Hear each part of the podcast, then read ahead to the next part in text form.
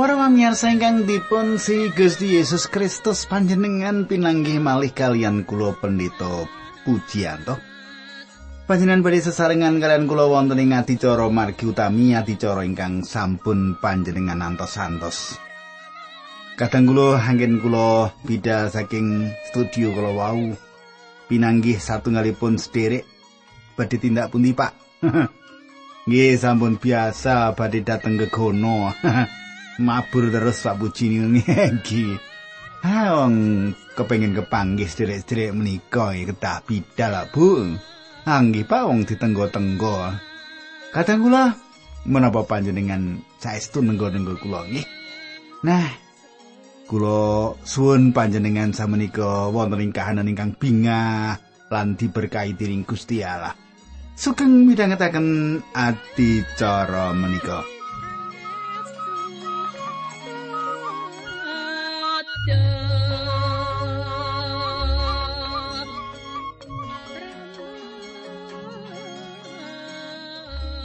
Para pamirsa menapa panjenengan tasih kemutan menapa ingkang kula aturaken duk nalika kepengker?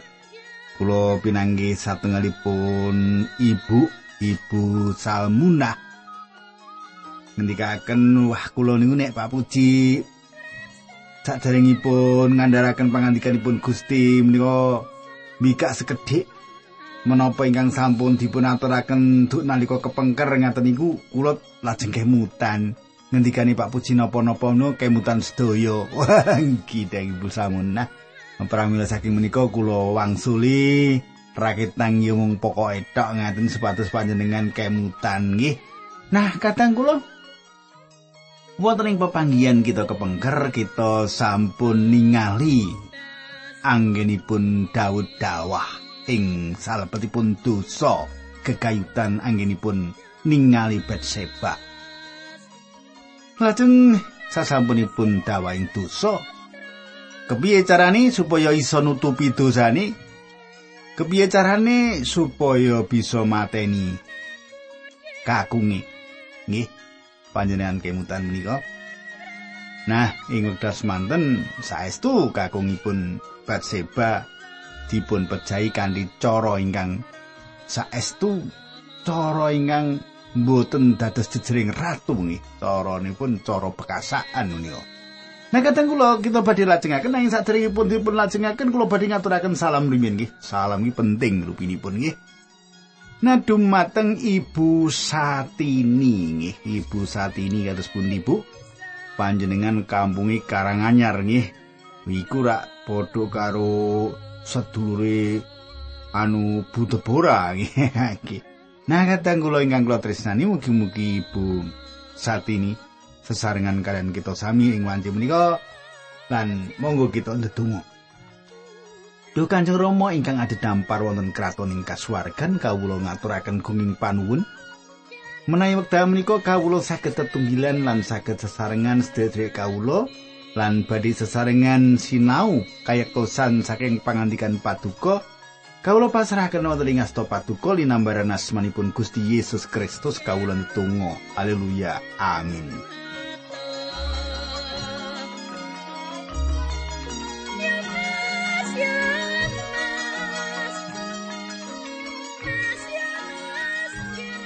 Para pamirsa ingkang kula tresnani, kita badhe lajengaken samenika pasinon kita sampun ngancik kalih Samuel kalih welas. Nggih. Pasinon kita sampun ngancik kalih Samuel kalih welas. Ing wekdal Nabi Nathan ngadepaken Daud kalian dosanipun, no iki lho dosamu Daud. Daud lajeng mertobat. Daud lajeng mertobat. Kejawi menika Nabi Nathan ugi meratelaken paukumanipun Allah ingkang badhe dipun tampi dening Daud. Daud ing mriki kedah sinau pilih manungsa kedah ngeneni menapa ingkang dipun sebar. Abdi Gusti Allah saged kemawon nindakaken dosa nanging piyambakipun boten kedah terus kupak wonten ing salebetipun dosa.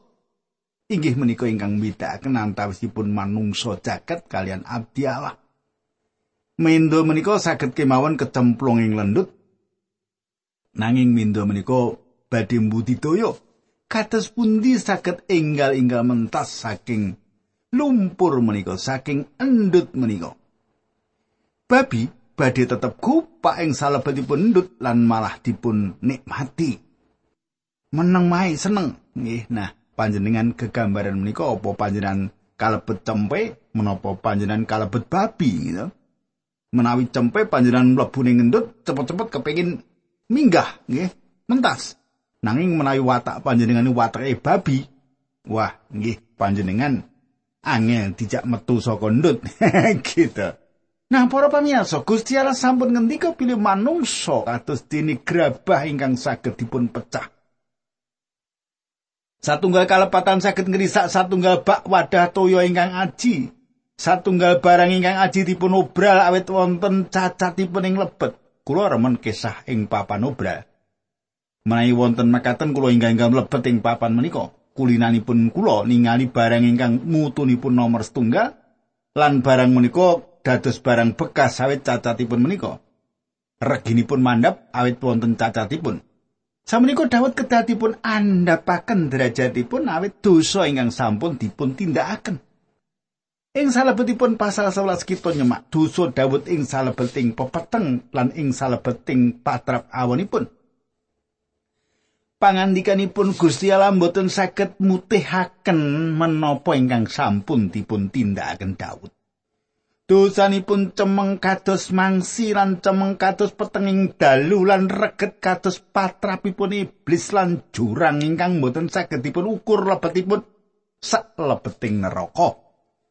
Daud sampun dosa kadang kula. Daud sampun dosa. Para pamirsa. Menapa ingkang dipun tindakaken Daud mboten dados keparengipun Gusti lan Gusti Allah badhe nindakaken satunggalipun perkawis dumateng Daud. Panjenengan semak Gusti Allah nindakaken satunggalipun perkawis atas dosa manungsa. Gusti Allah nindakake satwijining prakara kanggo dosane menungsa Gusti Allah ngurbanaken Gusti Yesus supados seda ing kajeng salib lan nampi paukuman dosa satunggalipun perkawis ingkang sanget awon Inggih Gusti Allah ingkang ngendikan bilih dosa menika saestu cemeng kani mekaten betahaken sedanipun ingkang putra.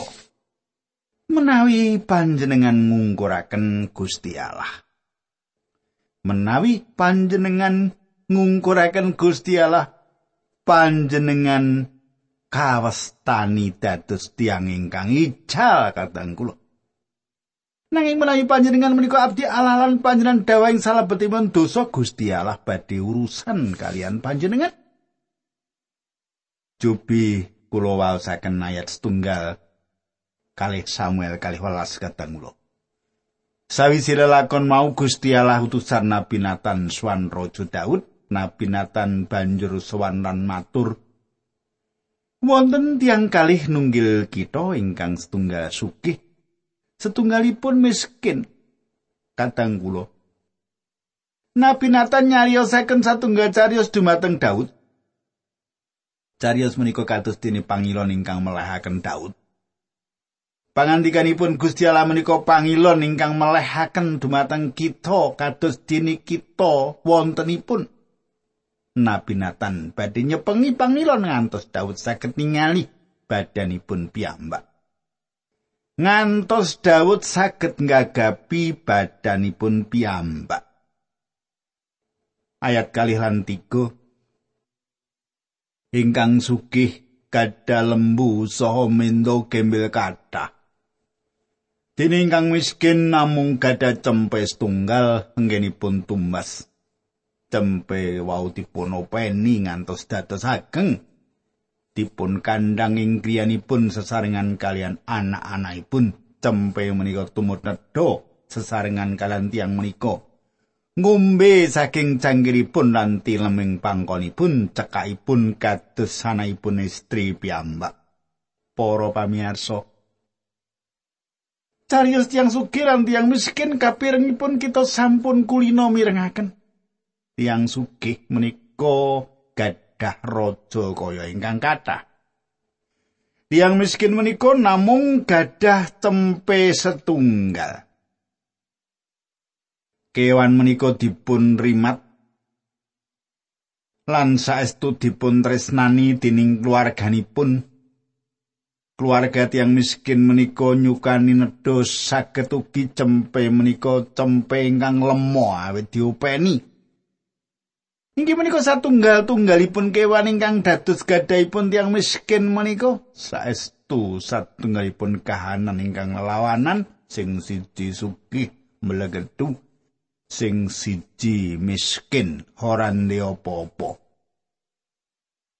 Betanipun antawisipun tiang sugih lan tiang miskin menika saestu ketinggal sanget lan kahanan ingkang kados makaten menika sampun dangu sanget Kulo pribadi gadah pemanggih bilih ingkang dados masalah ingkang dumados sing wekdal menika mboten perkawis pito-pito suku. Nanging cetongkrahan antawisipun tiang ingkang dados majikan kalian buruh tiang sugih lan tiang miskin. Perkara-perkara masalah-masalah ingkang dumados ing jagat menika inggih menika. Kadang kula monggo kita semak ayat sekawan. Nglajengaken menapa ingkang dados ngendikanipun Nabi Nathan. Ing satunggalipun dinten tiang ingkang sugih wau kedatengan tamu nanging mboten purun meragat mendanipun utawi lembunipun piyambak kangge nyegah tamunipun. Malah lajeng mendhet cempenipun tiang ingkang miskin wau dipun masak kangge tamunipun. Para pamirsa, Nabi Nathan nyariosaken satunggal cariyos ingkang umum dumados to. Ingkang umum dumados.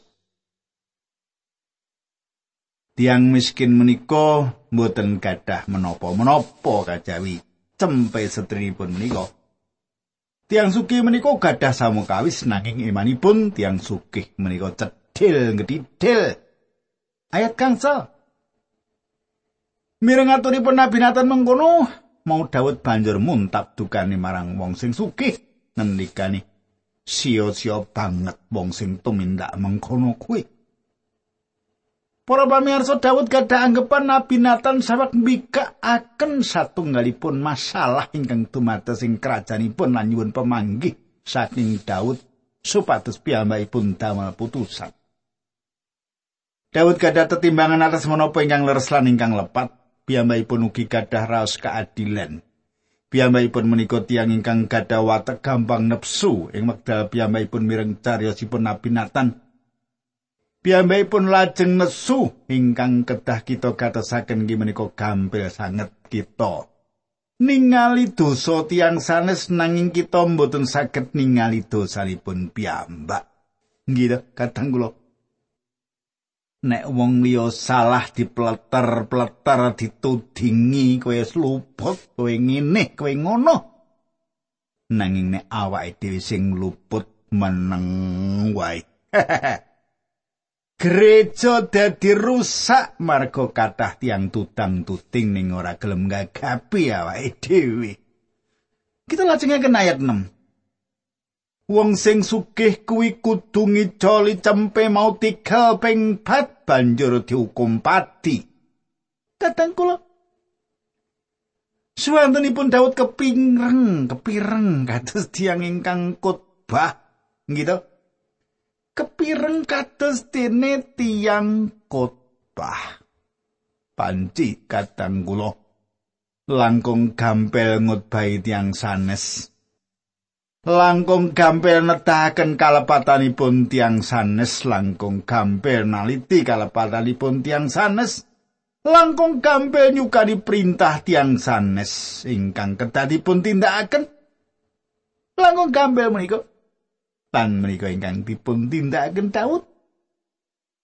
Kados pundi panjenengan katang kula? Kuwi ngene ilang kuwi kudu ngene ya nang kuwi kudu ngene kuwi kudu ngene menetani padahal awake dhewe salah era karuan Aduh, ngisin-isin. Kita lajengaken ayat pitu lan wolu. Tembungin Nabi Nathan marang Daud tiang menika inggih Sang Prabu piyambak.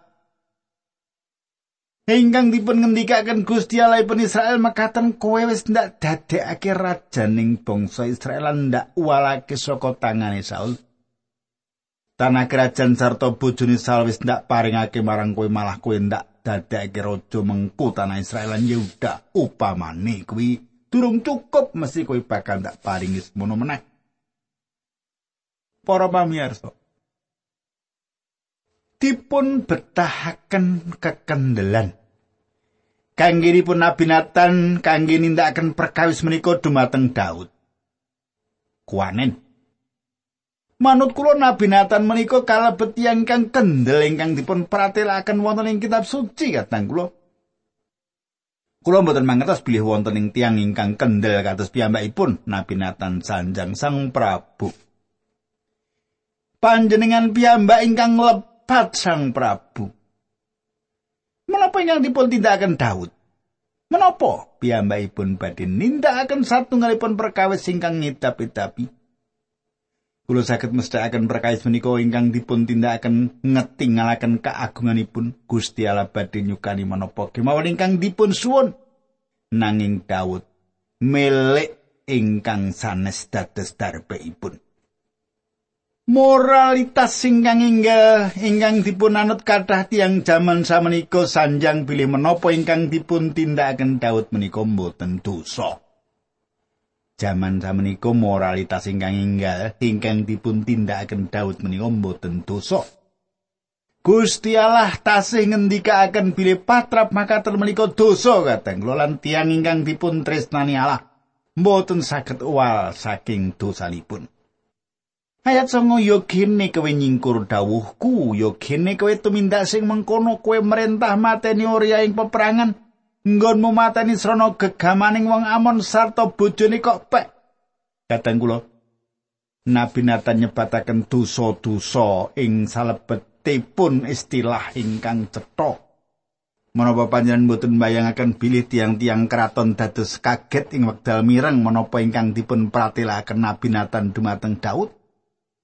Sampun tentu kata dia ingkang rawuh wonten ing kraton mboten mangertos menapa ingkang sampun dumados tiang-tiang kalawa mireng Nabi Nathan ndakwa Daud.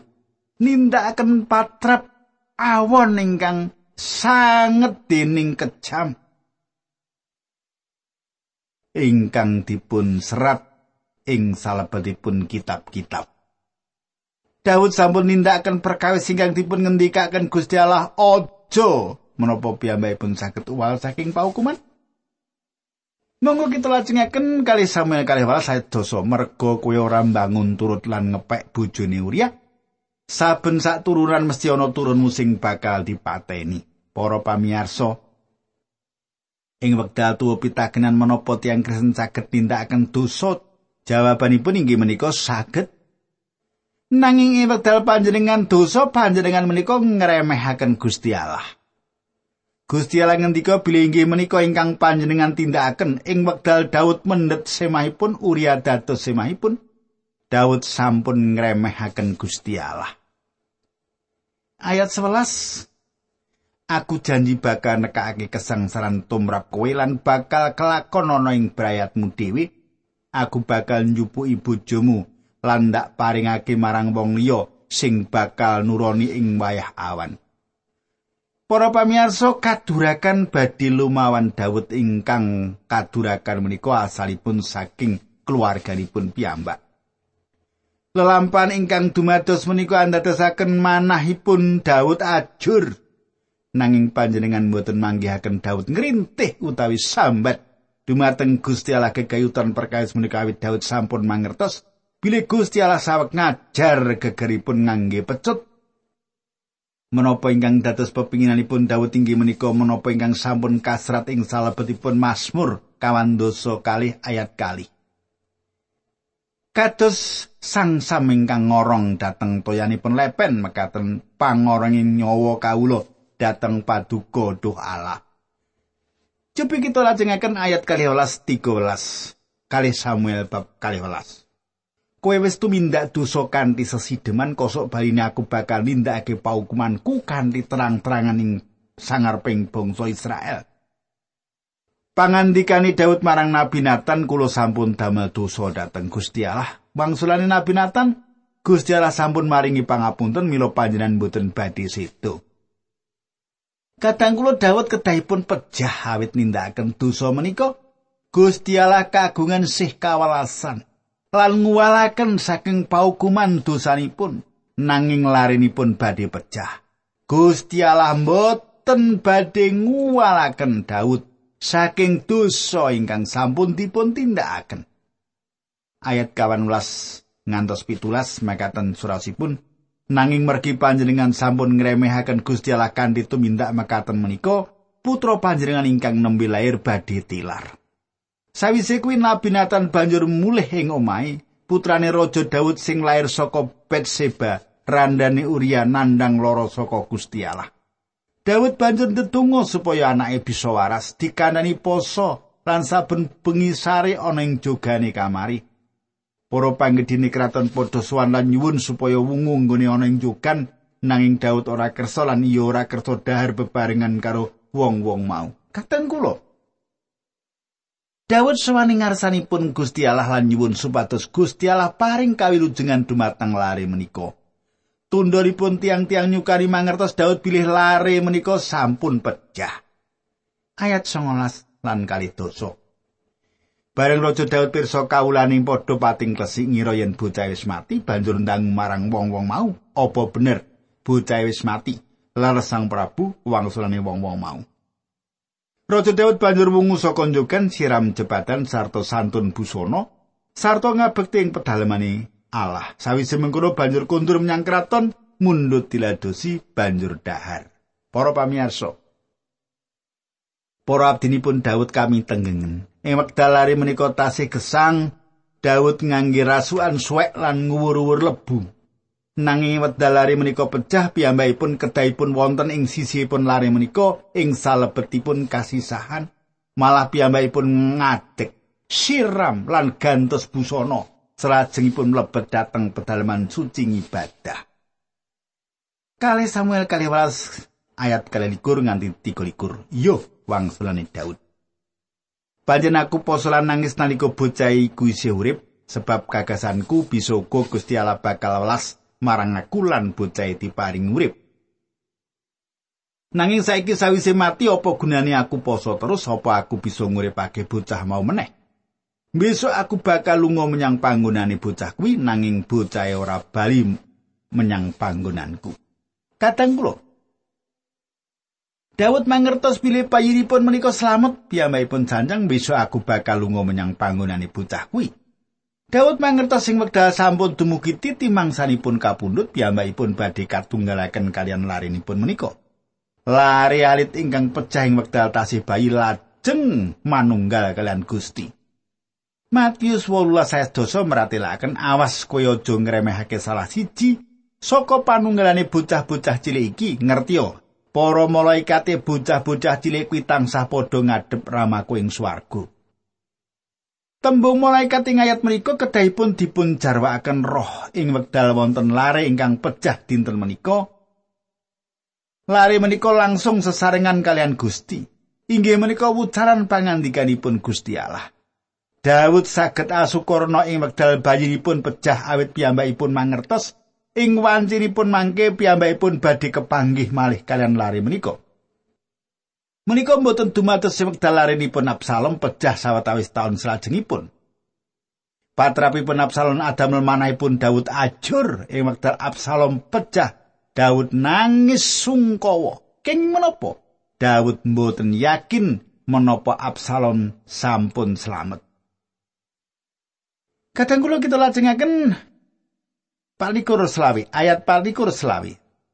Daud banjur ngipur atine Batseba nulis sari bebarengan Batseba banjur nglairake anak lanang sing dijenengake Soleman, Gusti Allah tresno marang bocah mau.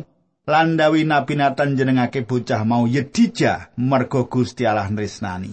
Kadang kula nami Yedija ateges dipun si Gusti. Nami nika dipun paringaken Gusti Allah lumantar Nabi Nathan dumateng Soleman. Ayat 6 likur ngantos 9 likur makatan surasipun ing wektu semono Yoab isih gempur aba. Ya kuwi kutani negara Amon sarta kutha mau wis meh karbut banjur utusan Swan Raja Daud sarta nglaporake Kula sampun nyerang raba so ngrebat tundhonipun toya. Samenika Sang Prabu mugi kersa nglempakaken wadyabala Israel ingkang kantun lajeng mimpin serangan kangge nelokaken kita menika kanthi makaten boten wonten tiyang ingkang nyariosaken bilih kula ingkang ngrebat kita menika. Daud ngumpulake prajurit kabeh ngluruk menyang Raba banjur nyerang kutha mau serta ditelokake. Kadang kula Daud samenika wangsul dhateng papan peperangan yang pundi piyambakipun kedah wonten ing papan menika. Kerajaan Daud terus tambah-tambah lan jembar lan Daud dados panguwasa sageng ing jaman menika. Kados pundi kegayutan dosanipun? Menapa Daud saged saking paukuman ing salebetipun pasal ingkang salajengipun kita badhe manggihaken bilih larenipun Daud Amnon nindakaken tindak piawon ingkang gegirisi. Piyambakipun ngrodha peksa sederek kwalonipun lare setrinipun Daud. Absalom sederek kandung kenya ingkang dipun rodha peksa menika mejahi Amnon. Kadang kula saderengipun kita lajengaken naliti gesangipun Daud, kula raosipun kepengin matur dumateng Gusti. Paduka sampun gitik cekap awrat. Kenging menapa paduka mboten ngendhekaken samenika nanging Daud mboten nate matur kados makaten. Daud lumebet ing ngarsanipun Gusti kanthi sambat. Duhalah kawula mugi paduka welasi awet saking sih kadarman paduka. Mugi kersa nglebur dosa kawula awet saking agengipun sih kadarman paduka. Kalepatan kawula sedaya mugi paduka singkiraken dosa-dosa kawula mugi paduka lebur sedaya. Kawula mugi keparing ana kabingan malih. Margi saking sih pitulungan paduka. Sarta kaparing ana roh ingkang tansah bangun turut dateng dawuh paduka. Daud gadah pepinginan dipun wangsulaken ing gesang ing salebetipun patungilan kalian Gusti Allah. Kala wau Zabur pasal seket setunggal tiga sekawan lan sekawan welas. Nah kateng kula kula cekapi semanten rumiyin lan badhe kalajengaken dinten candhaipun Samenika monggo kita ndedonga. Duh Gusti Allah ingkang Masih kawula ngaturaken kuing panuwun. Lan kawula nyuwun berkah paduka linambaran asmanipun Gusti Yesus kawula ndedonga. Haleluya. Amin.